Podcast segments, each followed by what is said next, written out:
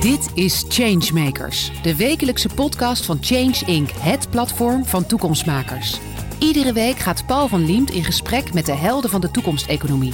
Krachtige leiders uit familiebedrijven, multinationals, MKB-bedrijven, start-ups en scale-ups. Die kleur bekennen, richting geven en tempo maken. Vernieuwers voor wie verandering geen agendapunt is, maar een business case. Want morgen wordt vandaag bedacht. Margot van der Voort is Head of Operations and Finances bij startup Willycroft. En daar maken ze plantaardige kaas van bonen en peulvruchten als duurzaam alternatief voor kaas van melk. Welkom Margot. Dankjewel. Ja, je kent deze podcast ook hè. En die gaat altijd over duurzame nieuws. Waar we mee beginnen. En dan denk je natuurlijk, ja Margot natuurlijk, als je die achtergrond nu al hoort, die gaat ongetwijfeld over Glasgow beginnen. Maar ik moest verklappen, ik sprak je even kort van tevoren.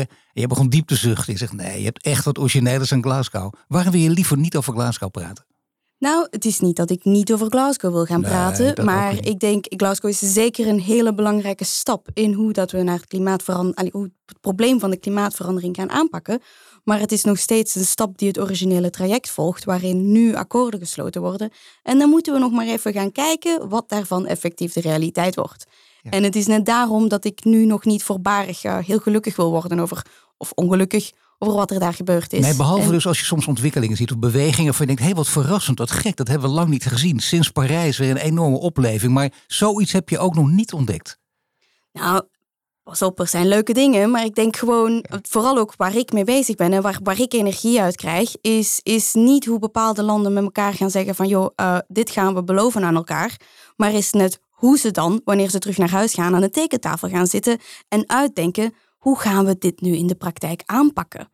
En, en dat is het stadium waar we nu nog maar net aan beginnen. Kijk, en daarom heb jij voor een veel origineler nieuwsbericht gekozen. Waar is jouw oog op gevallen? Nou, mijn oog is gevallen op eh, een nieuw boek dat Paul Hawken heeft uitgegeven. Paul Hawken is de schrijver van ook een van zijn bekendste boeken is Drawdown. Waarin hij honderd oplossingen voor de klimaatverandering eigenlijk één voor één aankaart. Eh, ze kunnen van heel klein tot heel groot gaan. Het, het gaat van gewoon de voor de hand liggende oplossingen als carbon offsetting tot meer kracht geven aan vrouwen. Het, het, het, het is heel erg breed. En zijn nieuwe boek heet Regeneration. En hij legt daarin uit hoe dat we door een visieverandering en door klimaatverandering op een andere manier te kaderen, eigenlijk heel gemakkelijk tot die oplossing kunnen komen.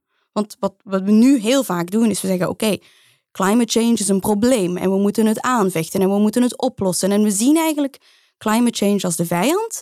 En we zien daarin ook altijd het probleem ligt bij de politiek, het probleem ligt bij de bedrijven, het probleem ligt daar, daar, daar. Maar nooit bij ons.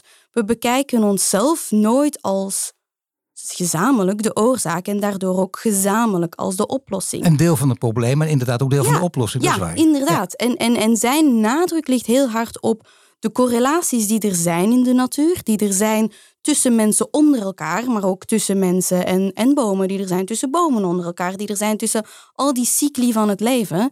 En het feit dat we dat evenwicht en die verbondenheid terug moeten gaan onderkennen om het ooit te kunnen oplossen. En daardoor moeten we als eerste stap de verbondenheid tussen ons en die klimaatopwarming gaan, gaan onderkennen. Zeker, en het boek En is natuurlijk een, een heel goede tip. Eh, Zeker als je, met, met, met deze context, eh, als je deze context erbij geeft en schets. Maar eh, wordt het ook heel concreet in het boek of niet? Ja, ja, het wordt wel echt concreet. Kun je het iets is, noemen, iets uithalen? Het is net zoals Draw... Heb je Drawdown gelezen? waar Zeker, het bijvoorbeeld zeker, ook zeker. heel concreet wordt. Hè? Er Ja, zijn echt wel dingen dat is waarvan trouwens, is dat, dat, dat is een gigant, ik, het valt mij wel op. Hè. Heb je die boeken gelezen? Deze is wel heel vaak gelezen. Drawdown. Ja. ja, ja. Nou, het Ik denk- andere is... De, de Regeneration is nu nog maar van... Als ik me niet vergis, oktober. Maar daar, daar ben ik niet 100% zeker van. Dus ik weet nog niet hoeveel dat gelezen gaat worden. Maar er komen bijvoorbeeld heel ehm, concrete dingen als in hoe we met landbouw moeten omgaan. En hoe dat we eh, onze landbouw helemaal moeten gaan herstructureren. Waarin we niet gewoon één grond gaan gebruiken voor één gewas op te telen. En, en dat dan gewoon eindeloos doen. Maar waarin we naar die grond moeten leren luisteren. En die grond ook moeten geven wat die nodig heeft om ons dan terug te geven wat wij ervan vragen. En, en dat wordt allemaal uitgelegd bijvoorbeeld, wat ik heel interessant vind. En het is ook iets toegankelijker dan zijn voorgaande boeken. Oh, dat is fijn. Dat Wat wou ik er net bij Ja. zeggen. Het kost even moeite, maar als dit toegankelijk scheelt. Ik heb hem nog niet gelezen, maar na jouw woorden ga ik er zeker aan beginnen. Ik denk, als ik het zo hoor, dat het een aanrader is. Ik denk ook dat jij heel erg in zijn geest eh, handelt en acteert. Want ga maar vertellen wat, wat Willycroft doet en wat het precies is.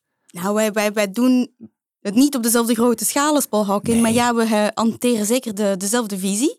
Ehm, wat wij bij Willycroft willen doen is een heel wel voor de hand liggend of door ons allen gekend probleem, namelijk de, over, de, de, grote veeteelt eigenlijk een beetje aanpakken. Um, sorry, de grote veeteeltproductie proberen wij aan te pakken. Ehm, en wij doen dat door echt op die zuivelindustrie te gaan zitten. En wij maken dus plantaardige kaas. Alleen vind ik het, het, ja, soms heel jammer dat we spreken over... oké, je hebt plantaardige kaas, dus vegan kaas... en je hebt zuivelkaas. Dus de, de ene is goed en de andere is slecht. En dat is waar wij ons als Willycroft een beetje proberen in te zetten. Van jongens, het plaatje is niet zo simpel. Enerzijds kan zuivelkaas niet altijd heel slecht zijn. Anderzijds is vegan kaas niet per se goed. En zo hebben wij bijvoorbeeld, zijn wij gestart met een kaas op basis van cashewnoten. Dat die cashewnoten heel gemakkelijk is om kaas op te ontwikkelen. En makkelijker die romige smaak ook ja, krijgen. Inderdaad, inderdaad. Super lekkere kazen krijg je daarvan. Maar dat blijkt niet het meest duurzame alternatief. En zeker als je gaat spreken over opschalen. En we moeten toch in onze visie dan een hele wereld van plantaardige kaas gaan voorzien binnenkort. Ja, dan is die cashewnoot niet meer zo fantastisch. Dus hebben wij dan de beslissing gemaakt om over te schakelen op bonen en peulvruchten. En, en dan nemen we het nog een stapje verder en zeggen bijvoorbeeld, ja, kijk, als we nu allemaal bonen en peulvruchten gaan uh, telen, dat is allemaal mooi. Maar dan zitten die zuivelboeren, die eigenlijk als individuen niet veel mis hebben gedaan, wel een beetje ja, met de handen in het haar en, en, en zitten die een beetje zonder job. Dus proberen we ook samen met hun te werken en hun de tools te geven om op een deeltje van hun land in eerste instantie, we zitten in de testfase uiteraard, bonen te gaan telen. Het is wel belangrijk dat, je dit zegt, hè? want je hebt zelf al een stap genomen. Je had ook bij die cashewnoten kunnen blijven, omdat het wel aanslaat qua smaak. Maar je denkt, nee, je bent kritisch en je gaat altijd verder denken. En wat kan er nog beter? Aan de andere kant, je wil de andere partij, de zuivelboeren, ook niet helemaal kapot maken. En, want dat is vaak het idee. Dat kun je wel doen en uiteindelijk moet het voorbij. Maar dat betekent dat heel veel mensen zonder baan komen te zitten. Die zitten met de hand in het haar en die maak je gek. En dat leidt tot een polarisatie die verder nergens op slaat. En dat zie je op heel veel gebieden ook. Wat jij nu zegt, vind ik toch, dat is een nieuw verhaal. Het is wel systeemverandering, het is keihard, het is revolutie. Maar het is geen revolutie waarin een heel groot deel van de bevolking ten onder gaat. Nou, het, het, dat is denk ik het belangrijke. Het is een systeemverandering en het is een revolutie, maar wij voeren ze van binnenuit en niet van de buitenkant. Ja. Wij werken samen met zuivelboeren en ook met een zuivelbedrijf bijvoorbeeld dat onze verpakking en distributie doet. En wij gebruiken de kracht die die industrie al heeft om ze te veranderen. En, en dat is veel, ja, dan wordt het makkelijker ja, voor ons. Nu is het wel een puntje als het gaat over de, over de, de subsidies natuurlijk. Hè? Want die gaan wel altijd naar de zuivelindustrie. En dat, is, dat blijft natuurlijk een, ongelijk, een zeer ongelijk speelveld. Dan maken we het verhaal groter, maar dat moet ook natuurlijk. Is, is dat ook iets om aan te pakken of zeg je daar bemoei ik me voorlopig niet mee? Nou, daar bemoei ik me heel veel mee, als ik uh, heel eerlijk mag zijn. nee, dat doen we zeker, uh, zeker veel. Onze founder Brad is, is naar kop geweest samen met TAPPC. Um, en die, die zitten net op die proteïne, uh, die CO2-tax op um, dierlijke proteïne. Um, en, en ja, hij is daar gewoon gaan echt actie voeren om dat te veranderen. Wat ik zelf ook heel veel doe, is proberen praten hier in Noord-Holland dan voornamelijk met politici om een beetje richting te geven aan de voedselvisie. En daar te proberen van, kijk joh, die, die subsidies op vlees en zuivel, die, die moeten er echt ja, uit. Goed dat jij dat zegt trouwens, even Margot, dat je zegt in Holland en Noord-Nederland en Noord-Holland. Want uh, ja, jij bent, dat hoor je bijna niet, hè, maar je komt uit België. Uh, Je vindt Nederland echt een land waar je beter je pijlen op kan richten? Of is het een soort toeval dat je hier actief bent? Nou, het is eigenlijk helemaal geen toeval. Um, ik vind gewoon de bubbel van Amsterdam best inspirerend. En ik zeg bewust bubbel, want ik weet ook heel goed dat alles wat daar gebeurt en alles wat, al die initiatieven die je uit de grond ziet komen op vlak van duurzaamheid, dat geeft een vertekend beeld van de werkelijkheid hoor. Maar dat zorgt wel voor heel veel kruisbestuiving en dat zorgt ervoor dat je heel veel energie blijft krijgen elke dag om deze toch wel grote strijd aan te gaan. Meer in, want je hebt bijvoorbeeld al gestudeerd in Gent. Uh, Jij vindt dat meer in Amsterdam, veel meer zelfs dan in Gent of waar dan ook in België? Ja, dat vind ik wel. Ook enerzijds op het duurzaamheidsvlak en anderzijds is het klimaat hier ook veel interessanter voor een start-up. Elke start-up. Het, het, er is zoveel ruimte om, om een initiatief te beginnen, om een bedrijf te starten um, binnen, binnen Nederland en zeker binnen Amsterdam. Dat ik denk, ja, fijne, fijne plek om mee te starten. Nou, dat is mooi om een keer die complimenten te ontvangen vanuit België. Dankjewel ja, voor mijn Onze community, die, die stelt een vraag. En dat doen we ook altijd hè, in deze podcast. En die sluit heel mooi aan bij waar we het eigenlijk nu al over hebben. Dus ik vraag hem pas op het eind vaak. Maar nu denk ik eh, op dit moment al. De vraag, even citeren letterlijk. Die vraag die luidt of de wereld in de toekomst zonder dierlijke eiwitten kan. Daar willen ze echt een antwoord op hebben. Nou, ik, uh, ik denk dat er een heel groot verschil is tussen kan en wil. Dus ik zal de vraag even veranderen naar wil de wereld in de toekomst zonder eiwitten nee, eerst kan. Nou, oké, eerst kan. Ik denk dat het kan. Maar ik denk dat het niet de op. Ik denk dat het heel, helemaal kan. Het is heel moeilijk. We mogen niet vergeten dat wij hier allemaal nou, het best gemakkelijk hebben. Dat voor ons een transitie naar plantaardige eiwitten heel voor de hand liggend is. Het, het gaat voor ons gewoon om. Nou, ik kan geen kip in mijn curry doen. Maar meer dan dat heeft het weinig impact op onze levens. Er zijn veel armere gebieden, armere gezinnen ook in deze regio, waarvoor het veel moeilijker ligt. Waarvoor het ook veel meer sociale eh, eh, ja, gevolgen heeft. Tuurlijk. Grote communities die dan zonder voedselbron vallen en dergelijke meer. Dat is heel moeilijk. Dat, dat, dat is sowieso moeilijk. Al denk ik wel dat is een, een tijdelijke moeilijkheid. Daar valt ook een oplossing op te vinden. Hoewel het wel een van de thema's is, misschien wel het opkomende thema nu op het moment dat wij praten in Glasgow. de ongelijkheid. Die komt nu eindelijk boven. Men heeft in de gaten dat het daar om draait ook. Daar draait het ook om. Ja, daar moet het ook om draaien overigens. Daar hou je dus ook steeds rekening mee. Want dat is precies wat, wat, wat de, uh, veel mensen toe die hier minder mee hebben. Een grote groep ook nog verontrust. En die denken, wacht even, alles wordt ons afgepakt. En daarom zeg je ook, we doen dat van binnenuit. We moeten zorgen dat als we straks in de ideale wereld zitten... dat we niet een andere bovenliggende groep krijgen. Want dat zou natuurlijk ook kunnen. Ja, ja, tuurlijk. Nou, ik, ik wil al eerst even zeggen, kijk, alles wordt ons afgepakt. Um, nou, dat, zo kan je het wel bekijken. Maar als je kijkt naar de COVID-crisis en, en de maatregelen die ons zijn opgelegd, daar werden we in het begin ook heel boos voor. En alles werd ons ook afgepakt. En die vrijheid waar we zo gewoon aan zijn en die we zo waardevol vinden, wordt ons afgepakt. Maar het blijkt allemaal heel prima te gaan zonder die vrijheid. Of met die vrijheid een klein beetje minder. Dat wil niet zeggen dat, Daar kunnen we dat nog de podcast over maken. Maar ik wou net zeggen dat het heel makkelijk gaat, zou ik niet willen. Nee, maar het kan. Hè. Je ziet wel dat mensen er meer akkoord mee gaan. En dan is het ook nog verschillend van land tot land. Ik moet zeggen dat ik het, de vergelijking België-Nederland daarin heel interessant vind. Maar, um, In welke zin, zeg het maar even kort? Nou, in België hebben ze er veel minder problemen mee dat hun vrijheid wordt afgepakt. Die, die, de cultuur van ik ben een individu dat de vrijheid heeft om mijn eigen beslissingen te maken, is veel minder prominent. Ja, nee, daar staat Nederland of vooral Amsterdam ook heel erg bekend om. Dat is eh, echt inderdaad een hele grote. Maar dat even terzijde. Uh, ik bedoel meer de discussie over uh, als je zegt welke kant je opgaat, is er altijd een groep die, die ja, in de verdrukking zit. Die, die, ja. Of de, ook het establishment van nu. En dat zien we door de hele geschiedenis heen. Die moet af en toe omvergeworpen worden. Dat is helemaal niet erg. En dan krijgen we weer een nieuwe tijd met anderen. Maar dat, die andere groep moet dan weer niet. Die, dat, zie je ook heel vaak in de geschiedenis. Die vervalt dan op een andere manier natuurlijk in hetzelfde ritme en in dezelfde mechanisme als de, de elite die daarvoor de macht had. En dat wil je natuurlijk zien te voorkomen. Dat wil je zien te voorkomen. En net daarom is het zo belangrijk dat we die klimaatopwarming niet oplossen door fossiele brandstoffen te verwijderen en vleesindustrie neer te gooien, maar dat we die oplossen door een hele mentale shift. Dat we die oplossen door te herkennen dat alles wat wij van de aarde nemen, we op een andere manier moeten teruggeven.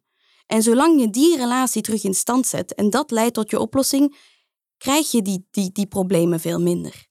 En dan is het ook belangrijk naar wie je luistert. Wie bijvoorbeeld, als je een bedrijf hebt, wie, wie je CEO is. En bij jullie lees ik overal, hoor ik overal, de CEO van Willycroft is moeder natuur. Ja, ja, dat klopt. Zo. En jij bent het niet. Ik dacht tegen moeder natuur praten. Maar dat is je luisteren naar moeder natuur. Dat is een CEO. Nou ja, een CEO is de persoon die, die, die je zegt wat je van. Nou, die je ook zegt wat je vandaag moet doen. Dat doet moeder natuur nu net wat minder voor ons. Maar CEO is de persoon die je zegt: deze richting gaan wij uit als bedrijf. Dit mag je daarvoor gebruiken en dit mag je daarvoor niet gebruiken. En, en dat doen wij. Maar hoe gaat, het, hoe, gaat het bij jullie, hoe gaat het bij jullie in de praktijk? Want jullie zijn nu uh, groeien. Die hebben 10, 12 mensen geloof ik werken nu bij jullie ook. En hoe gaat het dan nu? Als je ehm, luistert naar moeder natuur. Nou, we zijn aan de ene kant bezig met dat echt legaal een framework te geven. Dus zodanig dat we echt een governance board hebben van mensen die geen belang hebben bij winst in ons bedrijf. Maar die enkel belang hebben bij de impact die we maken, die over bepaalde zaken kunnen stemmen. Dat is net iets complexer dan we gehoopt hadden, dus dat staat nog niet op poten. Um, voorlopig doen we gewoon altijd zo dat wij heel hard afwegen hoe maximaliseren wij nu onze impact. En als jij, als jij een analyse doet en je komt eruit dat je meer impact creëert door 500 kaarsjes te verkopen in een plastic potje dan maar 50 kaarsjes in een niet-plastic potje, maar je kan er daar niet meer dan 50 verkopen, want je houdbaarheidsdatum is bijvoorbeeld veel lager, nou dan gaan wij toch voor die eerste keuze kiezen. Maar dat, is, dat is echt een heel goed voorbeeld. Maar dat vind, ik, dat vind, ik, heel interessant. Maar het is een keiharde. En daar krijg je dus. Je hebt ook economie gedaan, eh, volgens mij. Of economische studies, economische achtergrond ook. Nou, je weet dat er heel veel verschillende theorieën zijn. En daar word je heel veel, door heel veel hoogleraren afgestraft. die zeggen ja, leuk, naïef. Maar na een tijdje kan het niet. Wat zeg je dan tegen die hoogleraren die daar cynisch op reageren? Nou ja, hij heeft af en toe wel gelijk, maar het voordeel is, wij zijn met een groep hele jonge, naïeve mensen en wij zeggen gewoon, nou, toch maar niet. En we doen het verder op onze manier. En jij En denkt als je meer van die groepen jongere mensen krijgt en hoe groter die cirkel, dan kun je dat, dat, dat leidt tot een echte systeemverandering. Nou ja, dat, dat leidt, dat tot leidt een ander leven ook. Dat leidt in eerste instantie op zijn minst tot inspiratie. Dat leidt ertoe dat de consument het leuk begint te gaan vinden dat die verandering er is. En die is dan de eerste stap in die systeemverandering. Ik denk niet dat je, dat je daarmee genoeg hebt om echt die systeemverandering te gaan krijgen. Maar het is zeker een belangrijke en nodige stap. Maar dit is echt een belangrijk, hè? want je zet niet zomaar een stap, je geeft ook wat op. Je, je kent de geluiden van, van de, de generatie boven jou, die roepen ja, maar Ja. wacht even, onze welvaart die hebben we opgebouwd. Nou, de hele discussie over olie en Mm. gas, die kunnen we ook inmiddels dromen. Altijd worden die argumenten ingebracht. En jij zegt in feite, als ik het even, dat zeg jij niet, maar dat, dat vertaal ik even op mijn lompe manier, gewoon een middelvinger omhoog en dan zeg je nou, wij gaan gewoon door zoals wij het willen. En dat is de enige manier om het voor elkaar te krijgen. Jammer genoeg soms wel, ja. Ja. Ja. Nou, en, en daarmee wil ik niet zeggen dat ik de middelvinger daarom elke dag moet opsteken. Nee. Maar ja, de, de manier waarop zij het gedaan hebben blijkt niet te werken.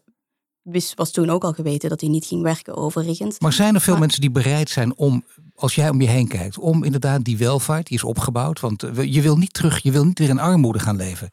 Dat je een, een, een andere vorm van welvaart wil creëren.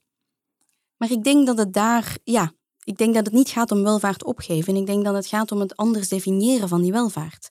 Hoe wij nu welvaart zien, is, is onder meer door een hele chique auto voor de deur te hebben staan. Is dat nodig? Vragen we ons dan af. Is dat voor iedereen nodig? Sommige mensen hechten daar heel veel belang aan en voor hen misschien wel. Maar voor sommige mensen is dat ook gewoon nodig omdat het een gewoonte is om dat te hebben. En je kan evenzeer jouw welvaart halen uit hele lekkere groenten die, die, die bij jou bij de lokale boer gekweekt zijn. Zoals ik dat bijvoorbeeld doe. Ja. En, en ik denk dat het daar gewoon gaat om, we moeten leren dat, dat welvaart vele vormen kent. Tuurlijk. En het moet af en toe toch hardhandig. Daarom had ik het allemaal weer over die middelvinger. En we hebben het woord eh, rebellie is eh, nog niet gevallen, maar wel iets in die richting revolutie. Dus je weet welke kant ik op ga. Hè? Jullie werken ook samen met Extinction Rebellion.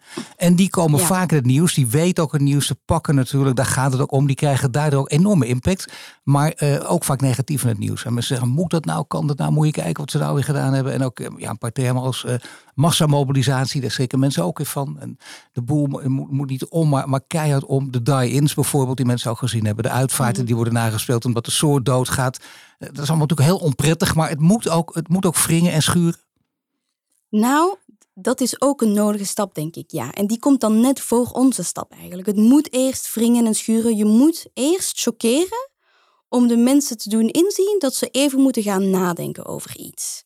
En oké, ze gaan dat waarschijnlijk de eerste keer dat ze zoiets zien, of zo'n nieuwsartikel of, of, of een protest van Extinction Rebellion zien, zullen ze waarschijnlijk denken, och, die jongens, wat doen ze nou weer? Maar zie er een paar en je begint toch even te denken van, hm, wat is daarin? Of toch een bepaalde groep mensen begint te denken. En dan de tweede stap, of de volgende eh, stap, is dan waar wij ons op bevinden, is dat inspireren. En Mag ik even van jou vragen, heb je zelf ooit ook aan een actie meegedaan? Of je dacht, ik, ik wist niet dat ik het in me had, maar ik durf het ook. Want daar gaat het om. Hè? Durf je het ook echt zelf? Nou, ik heb alleen aan heel vreedzame acties zonder eh, risico Nee. op opgepakt te worden meegedaan. Dus jij bent eigenlijk een beetje de brave tak. Ik ben eh, de brave tak. Ik zou heel graag ook eens meedoen, maar eh, dat, is, dat is er voorlopig nog niet, nog niet Nee, van maar je- Brad heeft het wel al een paar keer gedaan hoor, met risico. En Jullie zeggen, oprichten. Heel fier op, ja. ja. Ja, daar ben je heel fier op. Maar, maar wat is de reden dat jij dat niet doet? Durf je niet? Nou, niet per se. Ik denk, ja, ook weet je, laat ons heel eerlijk zijn, maar binnen ons rechtssysteem, als je voor zoiets opgepakt wordt, dat je wordt niet doodgeslagen of zo, weet je. De, de, de gevolgen zijn best te overzien. Waarom? Ehm, ik denk dat het eerder een ding is van elke keer als er zo'n actie is. Nou, ik heb ook een bedrijf te runnen.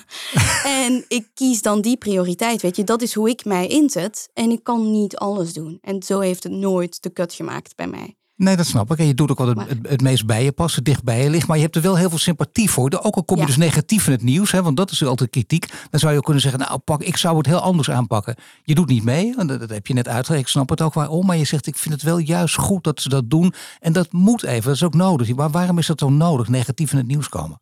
Nou, negatief in het nieuws komen niet per se. In het nieuws komen is nodig.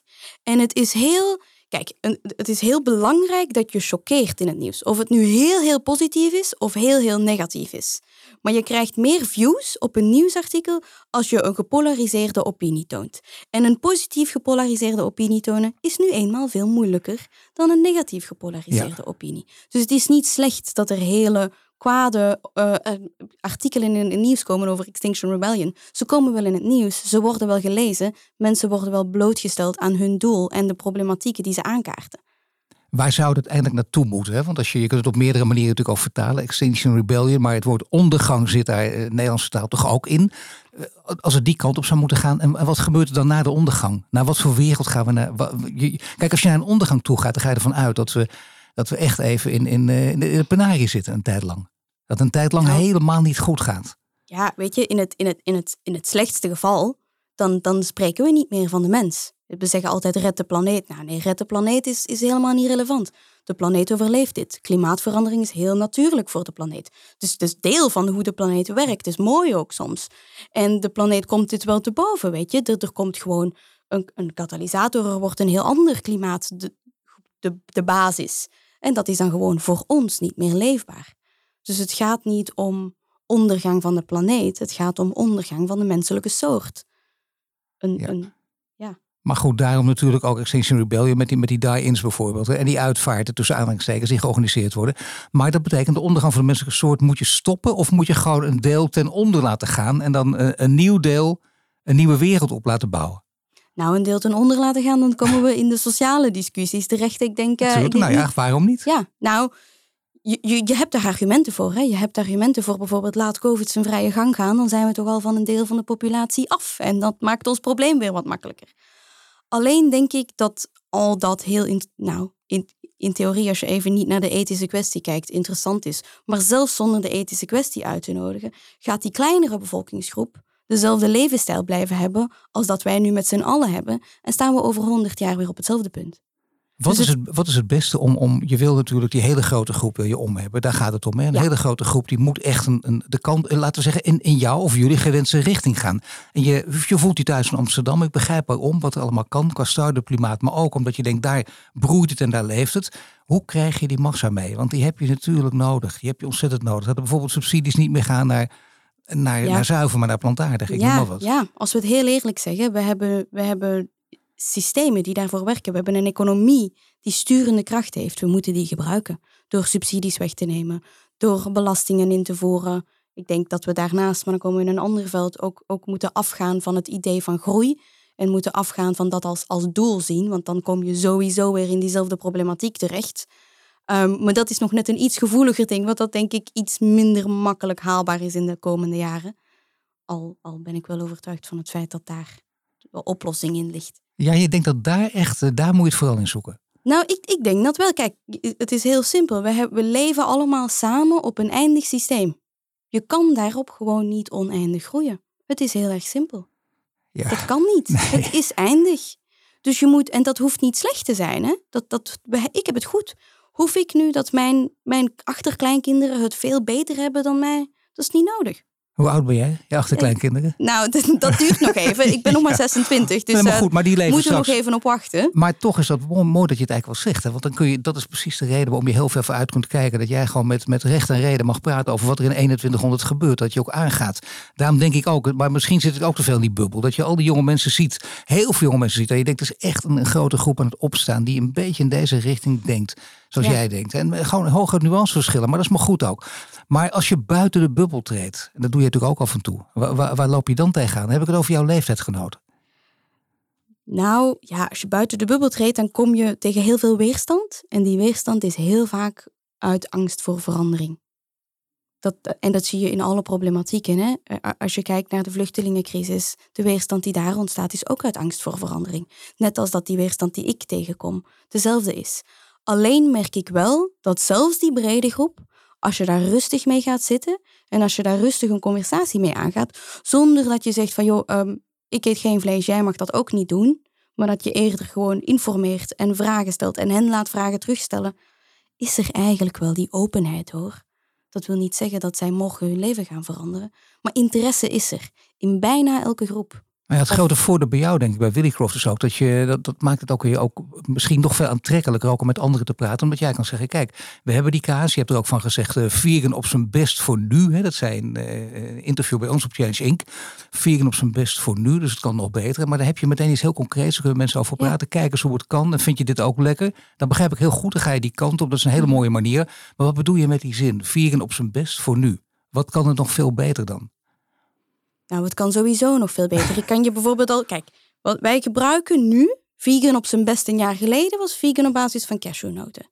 Vegan op zijn best voor nu, zoals het bij ons zo is, is op basis van bonen en peulvruchten. Ja. Maar die komen dan nog niet allemaal van Nederlandse bodem. Of allemaal uit regeneratieve landbouwsystemen en dergelijke meer. Want die zijn er gewoon niet. Weet je, die systemen staan niet op om ons een betrouwbaar aanbod van die bonen te geven. Dus ik zie nu al heel veel punten van verbetering om onze vegan kaas nog beter te maken. Op duurzaamheidsvlak. En op smaak is het net hetzelfde. En dan heb je nog al die verbeteringen die ik nu niet eens kan voorzien. Waar ik over een jaar van wakker word en denk: hé, hey, dit is het. Maar, nu ben, je, maar nu ben jij head of operations en finance. Dus dat betekent dat je ook leiding geeft op die terreinen. Zeker, dat zijn belangrijke terreinen, juist op bij een start-up. Hoe doe je dat precies? Want je hebt het moeder natuurverhaal uitgelegd, dat is heel mooi. Maar hoe geef je in de praktijk leiding? Want hoe krijg je dus met andere woorden die mensen mee in de richting die je net schetst? Nou kijk, ik zal je daar een geheim vertellen. Hè? Maar uh, leiden in een impactbedrijf is veel gemakkelijker dan in een ander bedrijf. Want de mensen die bij ons komen, die willen heel hard werken aan die nieuwe wereld. Dus die werken voor zichzelf veel meer dan dat ze werken voor de deadline van hun baas. En dat is heel gemakkelijk. En dat proberen wij ook volledig, nou, volledig uit te buiten en te ontplooien. Dat we gewoon het gevoel creëren van oké, jij denkt dat dit project ruimte nodig heeft, prima. Ga ermee aan de slag. En dan kan je dat doen en dan krijg je de vrijheid. En op die manier krijg je gewoon mensen die zelf zichzelf leiden en die aan de bel trekken als het niet meer lukt. Dus die intrinsiek gemotiveerd zijn, en dat is heel belangrijk, dat begrijp ik ook. Alleen de, het allermoeilijkste, dat hoor ik bij alle bedrijven eigenlijk, te beginnen bij start-ups, om die mensen ook aan te trekken. Dat is lastig genoeg, want uh, daar, daar moet je gaan screenen. En dan kunnen mensen ook denken, ik wil het heel graag. Ze zijn heel enthousiast. Dan zijn ze twee dagen en een derde dag dan merk je, nee, dat is toch niet goed geweest. Hoe doe jij dat? Hoe trek jij de beste mensen aan? Nou, dat gebeurt eigenlijk op alle mogelijke manieren. Ik zelf heb bijvoorbeeld ook uh, Brad ontmoet op een heel onverwachts moment tijdens een informatieavond over duurzame mode. En zijn wij aan de, aan de ja, zijn we gewoon met elkaar beginnen babbelen. En, en dat hebben we met heel veel mensen die deel uitmaken van ons team. Dat we die ergens zijn tegengekomen en zoiets hebben van wauw. Die, die mindset en die visie, die komt helemaal overeen met de onze. En het is makkelijker om iemand bepaalde skills aan te leren als die interesse toont, dan om het omgekeerde te doen. Dus wij zoeken voornamelijk op die visie en op, op wat, wat wil jij veranderen en hoe wil jij daar deel van uitmaken.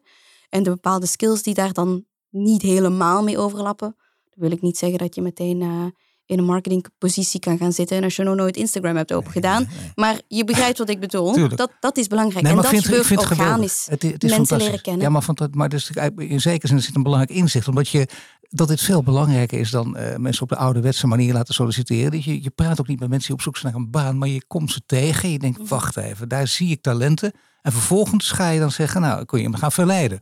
Of ga, kun je zeggen, ga eens een keer met me praten, want ik weet niet wat je nu doet, maar misschien vind je dit waardig. Dat is de omgekeerde methode. Die blijkt dus te werken. Als het misgaat, als iemand, want je werkt dan zelfstandig aan een project, iemand zegt ik heb een heel goed idee, een intrinsiek gemotiveerd iemand, is ook echt waar, werkt bij jullie. Wat zeg je dan op het moment dat het echt misgaat? Wie neemt daar een beslissing in?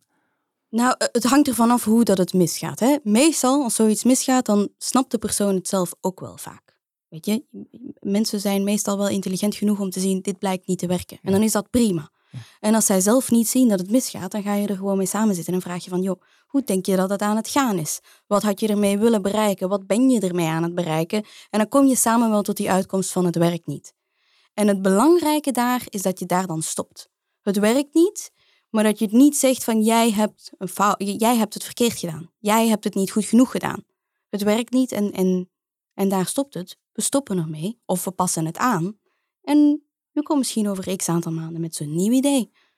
In deze manier van werken, met, met intrinsiek gemotiveerde mensen, met hele kritische mensen, mensen die ook heel graag uh, beter willen en, en, en nog, nog een beter product willen maken.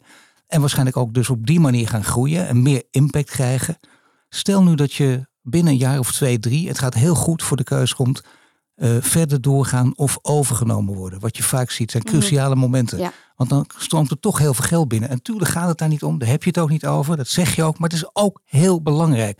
En bijvoorbeeld Unilever of Campina zeggen... wat Ja. is zo fantastisch, we gaan jullie overnemen. Wat dan? Nou, wij staan daarvoor open eigenlijk. Ehm, en, en daar moet ik zeggen, je zegt zelf, het gaat niet om geld, maar eigenlijk wel, want je hebt wel geld nodig om die verandering te creëren die, die wij zo graag willen creëren. En daar kan je niet omheen. We hebben dat nodig. Ehm, ik denk dat het belangrijke voor ons gewoon is dat als we dat doen, dat één, ons merk en onze visie heel mooi staat en heel gekend is en, en dat je dat niet te vroeg doet. De moment in de tijd waarop je dat doet is cruciaal. Als we dat nu doen, dan wordt dat een probleem. Want Willycroft is nog niet groot genoeg om, dat al te, om, om al die stap te gaan maken. En ten tweede wordt het voor ons denk ik wel belangrijk dat als dat gebeurt, dat er een waarde toevoeging is. Dat dat bijvoorbeeld gebeurt door Campina, die zelf kennis hebben, die dan R&D-labs opzetten en waar dat door hun overname weer nieuwe impact kan gecreëerd worden dan diegene die wij zelf zouden creëren. En in zo'n geval staan wij daarvoor open. Waarom Hebben jullie al een keer een eh, aanbieding gehad? Of is er al iemand die heeft gezegd, eh, kom eens een keertje praten? Dat, eh, dat gebeurt eigenlijk best vaak, ja. En wanneer was de laatste keer? De laatste keer, nou de laatste gesprekken die we daarover gehad hebben, waren deze zomer. Het geeft wel aan op wat voor niveau je beweegt. Dat is een heel hoog niveau. We blijven jullie volgen. Heel veel dank voor dit gesprek, hè, Margot. Je luistert naar een podcast van Change Inc. Mede mogelijk gemaakt door onze partner Ebbingen. Bedankt voor het luisteren naar de Changemakers podcast. Een productie van Change Inc. gepresenteerd door Paul van Liemt. Wil je dat meer mensen geïnspireerd worden? Deel de podcast dan op sociale media. De Changemakers podcast is tot stand gekomen in samenwerking met onze partner Ebbingen. Ebbingen kent, verbindt en ontwikkelt de leiders van de toekomst. Wil je meer afleveringen luisteren? Abonneer je dan nu via je Spotify, Apple Podcast of je favoriete podcast-app en krijg een melding wanneer er een nieuwe aflevering online staat.